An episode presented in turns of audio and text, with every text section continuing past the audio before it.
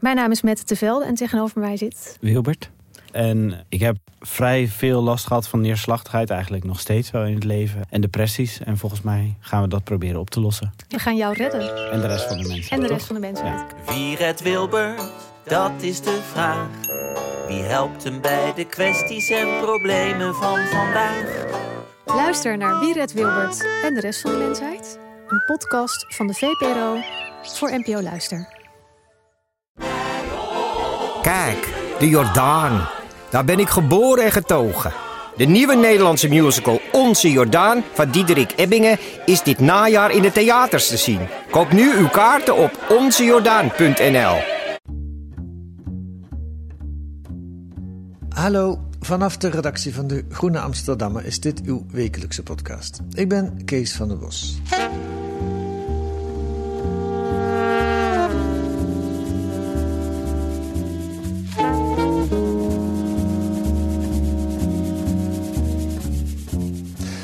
Er is één zekerheid in het leven en dat is dat je op een dag dood zult gaan. En dat is in de loop der eeuwen niet veranderd. Wat wel veranderd is, hoe we daarmee omgaan. We vechten er steeds meer tegen. En dokters kunnen je leven verlengen en gezondheidsonderzoeken kunnen de dood betrappen voordat hij toeslaat. Wat betekent het als we op deze weg blijven doorgaan? Wat kunnen we leren over de omgang met de vele coronadoden? En wat is eigenlijk een goed moment om dood te gaan?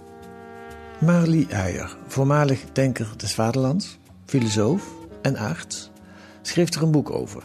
En deze week is daarvan een voorpublicatie in De Groene. Welkom in de podcast, Marlie. Dankjewel. Klopt allemaal, hè, wat ik gezegd heb? Ja, behalve dat ik officieel voormalig arts ben, want ik heb me uitgeschreven uit het BIG-register. Oh, eh, eh, ja. Dan mag dat niet meer. Nee, nee, nee. Wanneer, wanneer heb je... Ben je, je bent wel echt arts, praktiserend ja, ik arts ben geweest? arts geweest. Ik heb de huisartsopleiding gedaan. Daar nog, daarna nog, nog een half jaar of zoiets. Maar toen zat Nederland vol qua huisartsen. Oh ja? En ik kwam er niet tussen. En vervolgens ben ik eh, twee jaar methadonarts eh, geweest. Maar toen ging ik al filosofie studeren. En daar werd ik totaal door gegrepen. En ja, daarna dacht ik op een gegeven moment, toen ik daar werk in kon krijgen, ik ga, ik ga gewoon de filosofie in. Dat is heel anders dan nu. Als je huisarts wordt nu, dan is er werk genoeg volgens mij. Ja, nu is er een enorm tekort aan Ja. huisartsen. Ja. Ja. Ehm, nou, laten we maar meteen met de deur in huis vallen. Eh, ben je bang voor de dood? Ehm, ja, ik denk net als iedereen, de ene keer wel, de andere keer niet. De, de, het is natuurlijk een angstwekkend, angstaanjagend idee dat je ergens doorheen moet en dan opeens ben je er niet meer. Eh, aan de andere kant, eh, als ik er geregeld over nadenk, dan word ik er steeds minder bang voor.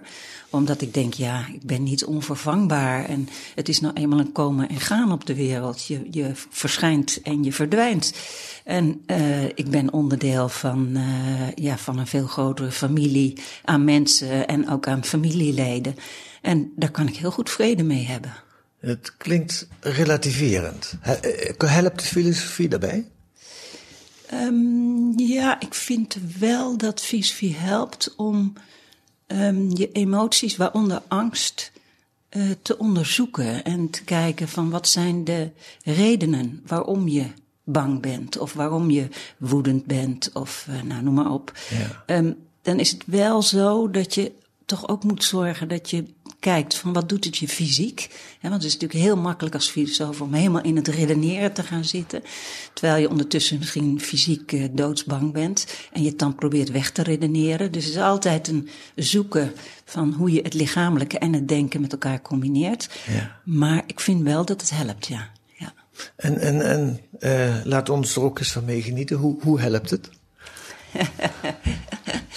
Ja, kijk, je kunt eh, voor- bijvoorbeeld als het over die dood gaat, hè, dan ehm, op het moment dat je realiseert dat werkelijk iedereen eh, komt en gaat op de wereld en dat je dus ja, dat het heel prettig is om in een wereld terecht te komen die al ingericht is. En waar generaties voor je gezorgd hebben dat er taal is, dat er huizen zijn.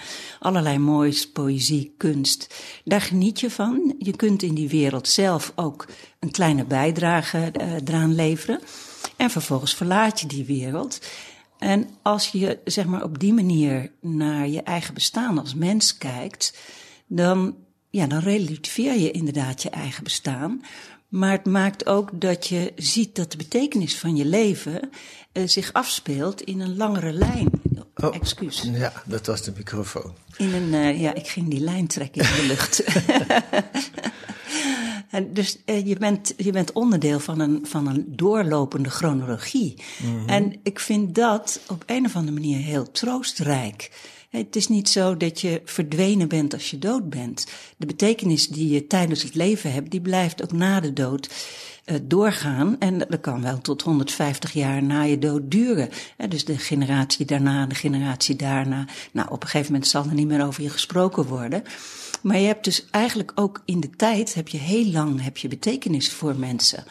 En ja, dat vind ik een heel troostrijk idee. Want dan ben je veel minder bezig met puur dat fysieke bestaan, wat inderdaad tussen geboorte en de dood is. En veel meer aan het kijken van wat betekent mijn leven? Wat is ja. mijn verhaal? Um, ja, en daarmee uh, werkt het bij mij zo dat de angst minder wordt. Omdat ik denk, ja, dit hoort er gewoon bij. En de, ja. Dus je hebt hem soms wel, of je hebt hem gehad, die angst. Maar ja, hij... ik zou het raar vinden als je helemaal geen angst voor de dood hebt. Want het is, bedoel, het is de onbekende. Je hebt geen idee wat er dan gebeurt. Nee. En uh, net zoals je wanneer je op reis gaat, dan ga je ook naar een onbekende plaats. Dat is hartstikke leuk, maar het is ook altijd een klein beetje angstig. En datzelfde voel ik bij de dood, bij het sterven. Ik ben kei nieuwsgierig. Ik, ik denk echt van, goh, hoe zal dat zijn? Um, en, en ja, dus ik wil het ook zelf zo bewust mogelijk meemaken. Als maar waar, ben je waar ben je nieuwsgierig naar? Um, ja, ik, ik, denk eenzelfde soort nieuwsgierigheid als uh, wat in andere avonturen zit. Uh, dat je, het is onbekend en daarom ben ik er nieuwsgierig naar. Dus ik ben nieuwsgierig van, uh, zie ik dan op een gegeven moment het grote niets? hoe is het ook fysiek om langzaam maar zeker te verdwijnen? Uh, ik ben er zeg maar bijna fysisch in geïnteresseerd van wat gebeurt er dan precies. Dus ja, daar heb ik een nieuwsgierigheid naar. Het is onbekend en uh, ik kan het bijna vergelijken met dat, dat, dat, ik als puber heel nieuwsgierig was van hoe zal het zijn om de eerste keer seks te hebben. En uh, nou, dat valt dan een beetje tegen de eerste keer. en zo ben ik ook nieuwsgierig naar het sterven, van hoe zal dat zijn. En ja, vind je dat raar? Nou, nee, raar. Alleen het vooronderstelt bijna, maar dat ga ik aan je vragen, dat er na die dood nog iets is. Nou ja, kijk, ik denk dat er, dat er qua, qua denken en bewustzijn helemaal niks meer is. Dus dat dat afgelopen is. Ja. Um, lichamelijk uh, ben je nog, uh, ik geloof dat je nagels nog even wat doorgroeien. Ja, dus je bent, zoiets, ja. uh, sommige, sommige delen van mijn lichaam blijven nog heel eventjes wat doen. Ja, ook, maar op een gegeven moment houdt dat op. Mhm. Mm -hmm. En ik vind het een, ik zou het zelf een heel prettig idee vinden om, om begraven te worden. Omdat ik denk van, ik, ik, het lijkt mij ook wel iets aangenaams te hebben om in, in de aarde te verdwijnen. En um, onderdeel weer te worden van het hele moleculaire gezelschap. Dus ook dat schrikt mij eerlijk gezegd helemaal niet af. Nee. Ik, ik geloof niet in een uh, leven na de dood. Uh, je, ik bedoel, er zullen allerlei mo moleculen van je zullen doorleven en weer opgenomen worden in, uh, in, in allerlei nieuwe processen. Ja. Maar dat is het dan ook wel. Die, die... Ik weet wat ik vroeger tegen mijn zoon toen hij klein was en mijn moeder overleden was, tegen hem zei van dat er uh, op oma's graf weer allemaal bloemen groeiden. En zeg maar dat opgenomen worden weer in het grotere geheel, dat vind ik op zich, in zekere zin ook troostrijk. Ja. Die, die, die vergelijking met reizen vind ik wel grappig. Wat was dat nou? Tijdens de voorbereiding op dit gesprek van alles gelezen en gedaan over de dood. En ergens kwam ik de uitspraak tegen. Het voordeel van de dood is dat je niet hoeft in te pakken. ja, nee, is inpakken altijd een dubbelzinnig woord natuurlijk. Inpakken en wegwezen. Ja, maar het geeft, het geeft veel stress. Maar je, je bent dus nieuwsgierig naar het overgaan, als het ware, zonder dat je... Je hebt niet een duidelijke voorstelling wat er daarna zal gebeuren. Of je denkt, als ik het zo hoor, eigenlijk dat er daarna niet veel meer is. Zeg maar, ik ben er dan niet meer bewust bij. Dus ik denk niet dat er nog een leven is wat doorgaat. We gaan geen boodschappen van jou krijgen als je dood nee, bent. Nee, nee, nee, houd op. Ehm, ik, ik, ik heb laatst college gevolgd van, ik weet niet of je haar kent, professor Annie Das uit van de Radboud Universiteit. En toen hoorde ik voor het eerst over de terrormanagementtheorie. Ik kende hem nog niet. Heb jij er ooit van gehoord? Ja, ik heb ervan gehoord omdat een van mijn promovendi uh, gepromoveerd is op uh, de veiligheidsutopie, zoals hij dat uh, noemt. En zich, heel, zich behoorlijk druk maakt over de enorme streven naar ultieme, maximale veiligheid. Hij heeft ook net een boek over ges geschreven, Dansen met de Hydra. En daar ken ik dus die theorie. Oké, okay, ja, maar in dit geval betekent die nog iets, volgens mij iets specifiekers. Het gaat over de angst voor de dood. We zijn allemaal mensen, we kunnen nadenken en we gaan dood. En in vergelijking met een plant of een dier kunnen wij ons dat voorstellen. En, en, daardoor, en we hebben intrinsieke lust om te leven. Dat, ik, ik verwoord even haar theorie. Hè? En die angst, die, die, die, basale angst, het onderdrukken daarvan, dat is eigenlijk uh, de motor van heel veel wat we om ons heen zien. Van de mm. cultuur, van gebruiken, van onze opvattingen. Um, en dat geheel wordt samengevat met de terrormanagementtheorie. Mm. Um, denk, je, denk jij dat ook, dat de angst voor de dood ons als groep, als mensen, heel erg voortdrijft? Um,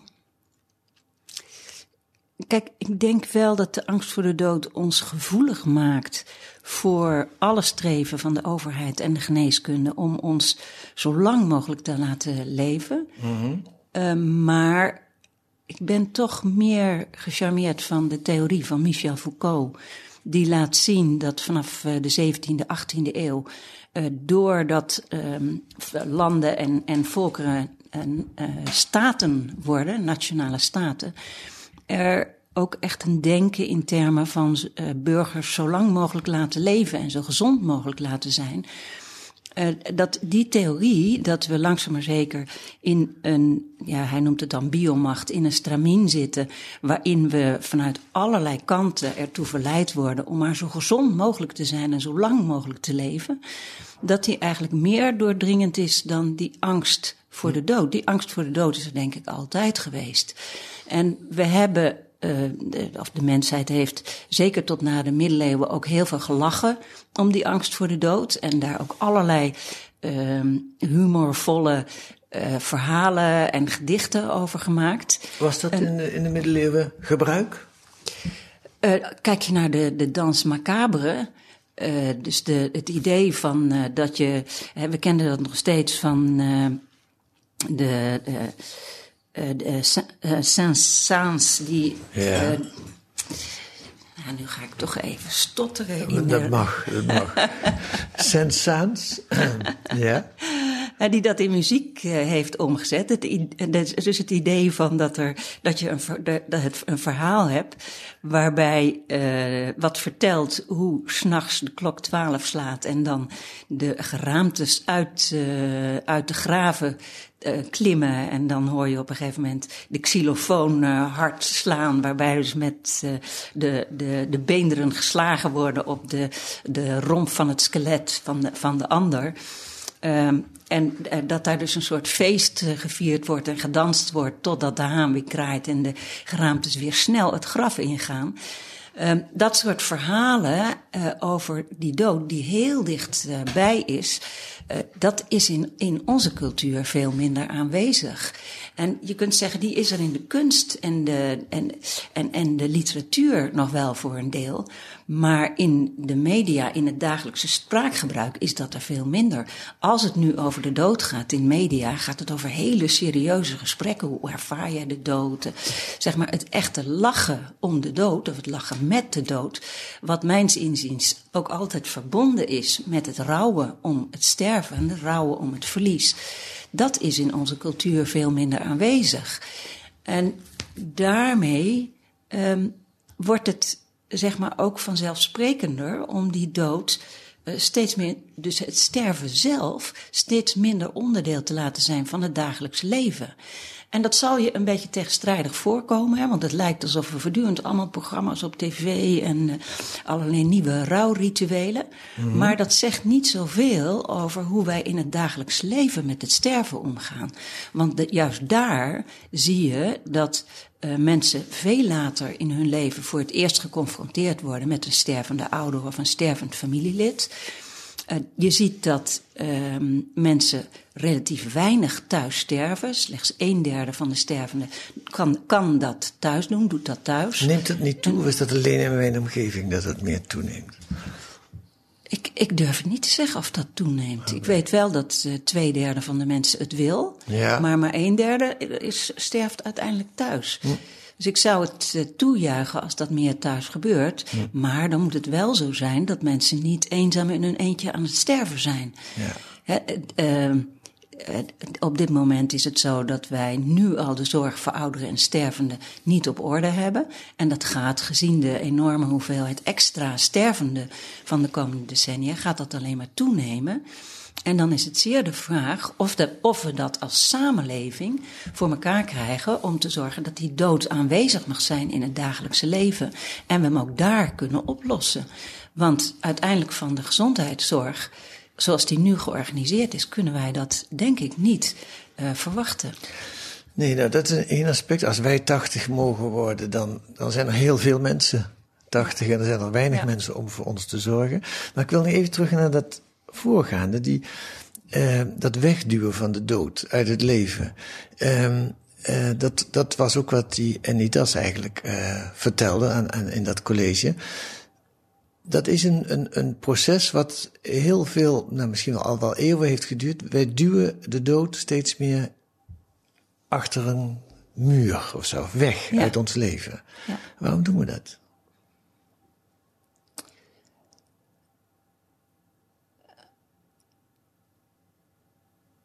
Ja. Kijk, je ziet dat, dat vanaf de zevende, dus zeg maar tot de 17e eeuw is het nog heel gebruikelijk dat de arts zich terugtrekt op het moment dat iemand ongeneeslijk ziek is of uh, stervende is. Hm. En zo vanaf de 17e eeuw komt het idee op dat artsen de dood uh, weg kunnen houden. En het zou me niet verbazen, maar dan zou je echt heel erg antropologisch moeten gaan kijken wat er in die tijd is gebeurd. Dat als de mogelijkheid er is, technisch en medisch, om die dood op afstand te houden, dat je dan juist ook niet meer hoeft om te gaan met die angst voor de dood. Dus dat die daardoor ook verdwijnt uit het dagelijks gesprek, uit de kunst, uit de cultuur, uit de muziek.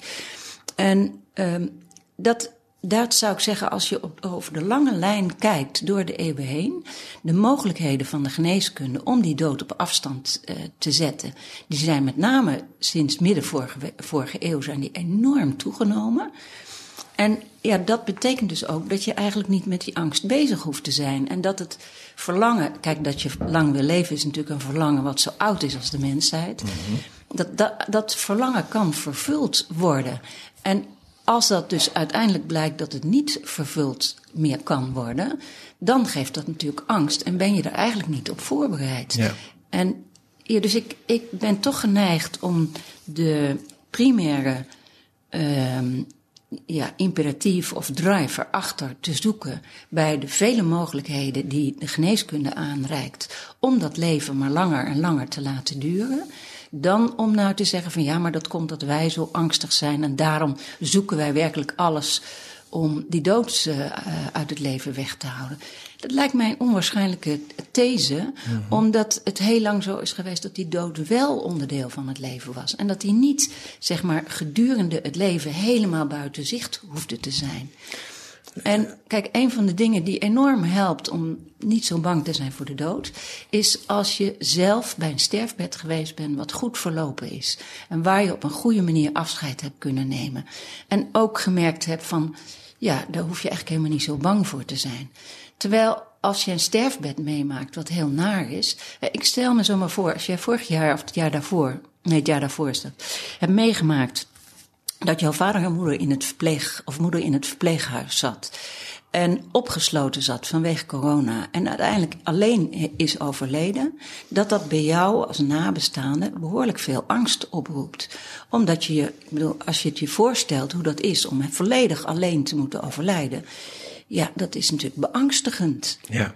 En dat is voor mij ook reden om ervoor te pleiten van besteed nou als samenleving aandacht aan wat goed sterven is. Want daarmee haal je ook een heel groot deel van de angst voor het sterven weg. We zijn als het ware afgeleid door die mogelijkheden van de medische wetenschap, die uh, de strijd tegen de dood, uh, die term alleen al, hè, de strijd tegen de dood mogelijk maakt, of het uitstellen van de dood. En daar zijn we met z'n allen ons op gaan richten. Daardoor is de dood zelf wat uit het oog verdwenen. Is, Ja. Vat ik het zo goed samen? Ja, ja. En jij had ook veel kritiek op de aanpak tijdens corona. Hè? ja. Vertel eens, wat, wat, waar, was je, bo- waar ben je nog steeds? Wat, wat is het probleem? Nou, het grootste probleem vind ik de sluiting van eh, scholen, universiteiten en eh, crèches. Eh, als het nou gaat over wat het leven betekenis geeft, dan is dat eh, de sociale interactie tussen mensen. Alle betekenis ontstaat in interactie tussen mensen, eventueel tussen mensen en dieren, maar het is altijd iets wat tussen mensen of dieren eh, tot stand komt. Ehm, en eh, onderwijs, eh, contact met andere jongeren, eh, kunnen lachen, plezier kunnen maken, kunnen leren, geeft het leven zo ongelooflijk veel betekenis. En dan zeg ik als iemand die zelf tot de risicogroepen behoorde voor corona, zeg ik van dat, dat is het mij als oudere niet waard. Als ik een keuze moet maken tussen uh, dat ik steeds langer leef, maar dat dat ten koste gaat van jonge mensen die aan het begin van hun leven staan, die zich ontwikkelen en die juist uh, die tijd nodig hebben om tot bloei te komen, dan vind ik dat laatste belangrijker. Ja. En daar, wat ik de politiek verwijt, is dat ze veel te weinig uh, een afweging hebben gemaakt tussen het biologische leven, uitgedrukt in levensjaren, winst aan levensjaren of verloren levensjaren, en wat de betekenis van het leven is. En kijk, mijn kritiek uh, leidde, leidde tot uh, een mailbox vol boze reacties, maar ook evenveel heel enthousiaste reacties. En onder die enthousiaste reacties zaten juist ook veel ouderen die zeiden: Mijn leven is betekenisloos als ik geen contact heb, kan hebben met andere mensen. Als die sociale interactie wegvalt en als ook het hele publieke domein wegvalt, want je kan helemaal niet met elkaar in, het, in, in welke publieke gelegenheid ook maar discussiëren over het beleid of over de politiek of wat dan ook dan heeft ook dat langere leven voor mij geen betekenis. Hm.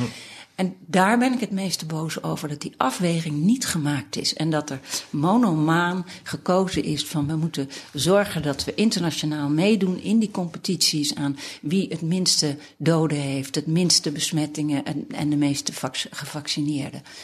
En dat is een rekenkundige manier van naar het leven kijken. En ook nog heel erg gericht op een naakt leven, op een biologisch leven. Waarvan ik zeg dat gaat ten koste van wat wij een betekenisvol leven vinden. Hm. Ja, de, waarop gestuurd werd was de, de, ziekenhuizen. Tenminste, dat werd gezegd. Hè? Die, moeten, die moeten het aankunnen. Ja. Is daar te sterk op gestuurd, wat jou betreft? Ja, kijk, je kunt dat uh, op vele manieren uh, bekijken. Want het is nu al zo dat uh, Diederik Gommers zegt van nou, de huisartsen hebben ervoor gezorgd dat er uiteindelijk geen code zwart in de ziekenhuizen waren. Dus, doordat ze mensen niet... Doordat ze mensen niet instuurden. Dus daar gaan, en Nederland heeft daarin wat huisartsen betreft een hele goede traditie. Huisartsen zijn gewend om met mensen het gesprek aan te gaan. Van weet je zeker dat je naar het ziekenhuis wil? Weet je zeker dat je naar de IC wil? Hoe zou je de tijd die je rest van leven hebt nog, hoe zou je die in willen vullen? Um, en daar blijkt, als je met mensen het gesprek aangaat, dat veel mensen zeggen van ja, eigenlijk hoef ik niet nog eens even alles uit de kast uh, te halen. En in het begin lijkt me dat veel burgers ook niet wisten wat het eigenlijk betekent dat je als je naar de IC gaat. En stel dat een aantal mensen geweten hadden van ja, kan zijn dat ik zowel met, dat zowel ik als mijn partner op de IC liggen en dat wij allebei eenzaam daar sterven mm-hmm. zonder onze geliefde om ons heen, hadden ze misschien wel gezegd dat willen wij helemaal niet. Dus ja, dat, dat die ziekenhuizen dat er gezegd is, de ziekenhuizen zijn vol. Daar zitten natuurlijk allerlei keuzes in de gezondheidszorg achter. Van hoeveel mensen stuur je in? Uh, het is natuurlijk heel lang zo geweest dat er helemaal geen IC was. En nu zijn er IC's en kun je mensen redden. Maar ook daar zul je steeds af moeten vragen van wat, wat red je precies en hoeveel wil je? Ja. Hoe lang wil je mensen redden? Tot zover corona zou ik zeggen. We gaan, want de tijd eh, vliegt. We gaan weer terug naar het goede leven en de goede dood. Eh, die, die twee horen eh, bij elkaar, denk ik. Ehm, ik las, dat vond ik wel interessant, dat jij filosofie bent gaan studeren toen je vader doodging. Ja. Hoe zit dat? Ja, mijn vader die eh, was natuurkundige en die wilde altijd na zijn pensioen wilde die filosofie eh, studeren. Die had in zijn studententijd, terwijl hij verschrikkelijk christelijk was, eh, had hij Sartre gelezen, Heidegger gelezen, ernstig getwijfeld over het geloof, zoals dat dan hoort natuurlijk, uiteindelijk bij het geloof gebleven. Wat was En- het geloof? Katholiek? Nee, gereformeerd? Ja, ja. En die was voortdurend altijd met mij aan het discussiëren. En zijn ideaal was, als ik 65 ben, dan ga ik echt filosofie studeren. Maar eh, hij is maar 57 geworden, dus eh, dat lukte niet. En eh, omdat ik toen in een situatie zat waarin het er naar uitzag dat het me niet zou lukken om huisarts te worden, dacht ik, nou, dan ga ik de filosofie in. En toen ben ik dus inderdaad filosofie gaan studeren. Waarbij ik natuurlijk het gesprek met mijn vader hierover wel erg miste. Maar je bent eigenlijk de droom van je vader gaan waarmaken. En in zekere zin wel, ja. ja. Die had liever gehad dat ik natuurkunde was gaan studeren dan geneeskunde. Maar, En die had eigenlijk het liefst gewild dat ik in de theoretische fysica terecht was gekomen. Maar ja, ik was natuurlijk een meisje, dus wat moet je met, tussen al die mannelijke natuurkundestudenten? Ik denk altijd natuurkunde theoretische fysica, dat zijn wel de, de, de bolle bozen. Dat is echt het Ja, moeilijkste, hè, de wetenschap. Nou, zo dacht mijn vader ook over mij. Ik weet niet of dat terecht was. Ehm, maar beschouw jij het ook een beetje zo als een soort eerbetoon aan je vader, dat je dat bent, dat bent geworden? Of is dat te dramatisch uitgedrukt? Ehm, nou, zonder mijn vader was ik denk ik geen filosofie gaan studeren. Dus in die zin is het wel, voelt het wel als een eerbetoon. Het lastige is, eh, als iemand eh, zo lang dood is, want dat is 35 jaar, dan eh, verdwijnt hij uit je leven en uit je gedachten. En dat is misschien pijnlijk om te zeggen, maar iemand. Want ik zei net, eh, je blijft wel 150 jaar betekenis Ja. houden. Maar tegelijkertijd, eh, zeg maar, de fysieke afwezigheid is ook. Ja, maakt ook dat, je, dat, het, dat het soms moeite kost om het weer terug te halen. Hij, weer- hij, hij zit niet op je schouder nu bij dit gesprek. Nee, nee. Dat zou ik wel graag willen eigenlijk. Misschien moet ik hem toch wat meer betekenis in mijn leven weer gaan geven. Eh, want je vader en je moeder, dat zijn ja, eh, heel vormende eh, mensen in Ja. je leven. ja. Maar jij zegt, ik ben nu zo oud geworden, of zij zijn al zo lang dood. Ik weet niet hoe lang is je moeder, is neem ik aan, is ook al overleden? Oh, die is 30, 30 jaar, eh, 32 jaar. Dus mijn vader alweer 38 jaar, denk ja. ik. Ja, ja, en daardoor zijn ze toch... ja ze, het, het lastige is dat ze, dat ze een heel groot deel van je leven niet meemaken. Dus eh, zij hebben mijn, eh, mijn... Mijn oudste heeft mijn moeder nog voor een deel meegemaakt, maar mijn jongste niet. Dus dan hebben ze, maken ze je kinderen niet mee, ze maken je kleinkinderen niet mee. Nou ja, dat is op zich wel logisch. Ze, maakt, ze maakte mijn, eh, aanvankelijk mijn afstuderende filosofie niet meer mee. Weet je mijn promoverende filosofie. Dus heel veel onderdelen die in mijn leven belangrijk zijn, die hebben ze niet meegemaakt. En dat maakt dan toch dat je, ja, dat je wat moet zoeken naar wat, waar, waar zijn ze? Ja, ja, je bent toch meer de zelfstandige Marlie Huijer geworden. En niet meer het kind van je vader en je moeder. Nou, dat vind ik ook wel weer hard gezegd. Hey, nog, even, nog even iets heel anders. Tot slot, jouw voorganger als denker des vaderlands was René Gude. ja, Die is bijna, eh, die had het tijdens zijn eh, denker des vaderlandschap voortdurend over de dood. Want die was de dood aangezegd. ja, Eh, kende je René? ja, ja zeker. Ja. Hoe, wat, wat, wat, wat heb jij van hem geleerd hoe hij met de dood omging? Ja, René heeft eh, eigenlijk een heel stoïcijnse houding ten opzichte van de dood. Ehm, je, moet het, de, je moet het beest in de bek eh, kijken, zei hij dan. Dus je moet het recht in de ogen kijken. Uh, à la Seneca of Epictetus. Je moet accepteren dat de dood bij het leven hoort. En eigenlijk moet je zo le leven dat je elke dag uh, dood kunt gaan. En dan moet je zeker niet uit de weg gaan. Maar de gevoelens die dat oproept, daar ging hij eigenlijk ook stoïcijns mee om. Want dan vond hij met zo'n belletje dat je die gevoelens moest parkeren.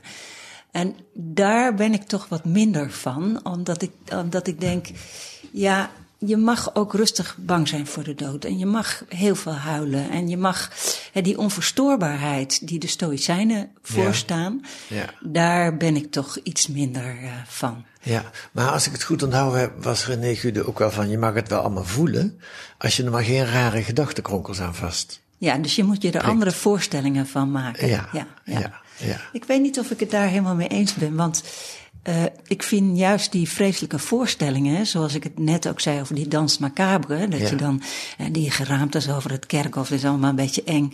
Dat vind ik ook wel hele mooie artistieke uitdrukkingen, juist voor die angst. Dus ik, ik vind het helemaal niet zo erg om ook in die angst te gaan zitten en juist wel die enge voorstellingen te maken. En die angst ook te, juist wel te doorvoelen, omdat uh, het verlies voor je omgeving, voor je nabestaanden en de emoties die daarbij horen, die mogen er wat mij betreft ook wel zijn. Hm. Dus ik, ja, ik, ik, ik, ik, denk dat ik daar net ietsje anders in uh, ben dan René. Ja, de troost die jij vindt is volgens mij ook meer. Je hebt het woord nog niet genoemd, maar je hebt volgens mij het begrip al wel uitgelegd: het, het lange denken. Ja. Ja. Uh, de voorouders, de kinderen die naar ja. jou komen, de, de, ja. de, onderdeel, de lijn waarvan je bent. Um, nou, tot slot de vraag die ik eigenlijk aan het begin had moeten stellen: waarom heb je dit boek geschreven?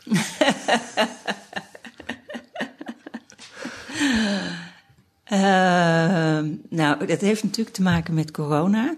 Ik was met een heel ander onderwerp bezig aan het begin van de coronacrisis. Dat heb ik stilgelegd. En uh, nou ja, vervolgens kwamen al die debatten over corona. En nou ja, dan valt iedereen over je heen of applaudisseert of wat dan ook. En toen dacht ik, ja, ik kan nu wel een boek over corona gaan schrijven. Maar daar gaat het eigenlijk niet om. Het gaat toch om die achterliggende vraag van hoe gaan wij met het sterven om? Wat is het sterven in onze cultuur? En ik had dat al eerder meegemaakt met de AIDS-epidemie, omdat ik toen uh, bij de Amsterdamse Junkiebond werkte en daar gingen veel mensen dood aan uh, AIDS. Ik zat toen ook in allerlei overleggen met de GGD. Uh, had ook vrienden die dood gingen aan AIDS. Dus dat is dan heel doordringend, en met mm. name omdat het jonge mensen zijn. Dat confronteert je op dat moment al met, jeetje mina, zo dichtbij kan het sterven zijn. En nu was dit voor mij eigenlijk een herhaling, dat je ziet dat zo'n epidemie er komt. En nu niet jonge mensen, maar oude mensen trof. En ja, omdat ik er al, al heel veel in mijn leven over het sterven nagedacht heb, dacht ik van ja, ik moet nu eindelijk dit boek schrijven. En niet me helemaal fixeren op corona, maar veel meer. Hoe, hoe hoe doe je dat nou als plots vanuit het niks zo'n klein micro-organisme in staat is om ons leven uh, totaal uh, in, in de war te schoppen? En dat is eigenlijk het moment waarop je moet nadenken over hoe ga ik met de dood om. Maar dat doen we op dat moment niet, omdat we alleen maar denken: ho, het vuur blussen, meteen aan de slag. Ja. En als filosoof denk ik van nee, we moeten daarop reflecteren. Hoe doen we dat? En het is ook een reden om dat nu in de zomer uit te laten komen, omdat ik niet helemaal zeker weet of niet deze herfst, dan wel de herfst daarna, weer precies hetzelfde gaat gebeuren. Ja. En als wij daar niet op reflecteren, juist in deze periode waarin we de rust en de tijd daarvoor hebben, dan loop je het risico dat we van het ene brandje blussen naar het andere gaan en steeds niet toekomen aan de vraag: hoe verhoudt de betekenis van het leven zich tot de levensduur? Ja. En het is helemaal niet eng of vervelend. Het helpt juist om over de dood na te denken. Ja, maar vooral ook om erover te praten. Om er op een luchthartige manier over te praten. Kijk, en je moet echt niet elke dag aan de dood gaan denken. Dat doe je, dat doe je af en toe eens even. En dus af en toe eens met een vriend of vriendin of een familielid. Uh, maar niet elke dag. Want dan, uh, sorry, dan word je hartstikke somber. En ik bedoel, uiteindelijk leef je. Ja. Nou, je kunt ook deze week De Groene lezen. Daar staat het, uh, het laatste hoofdstuk van jouw boek staat daar volledig ja. in. Uh, in uh, en je kunt ook jouw boek lezen. Dankjewel, Mali, voor dit gesprek. Geen dank.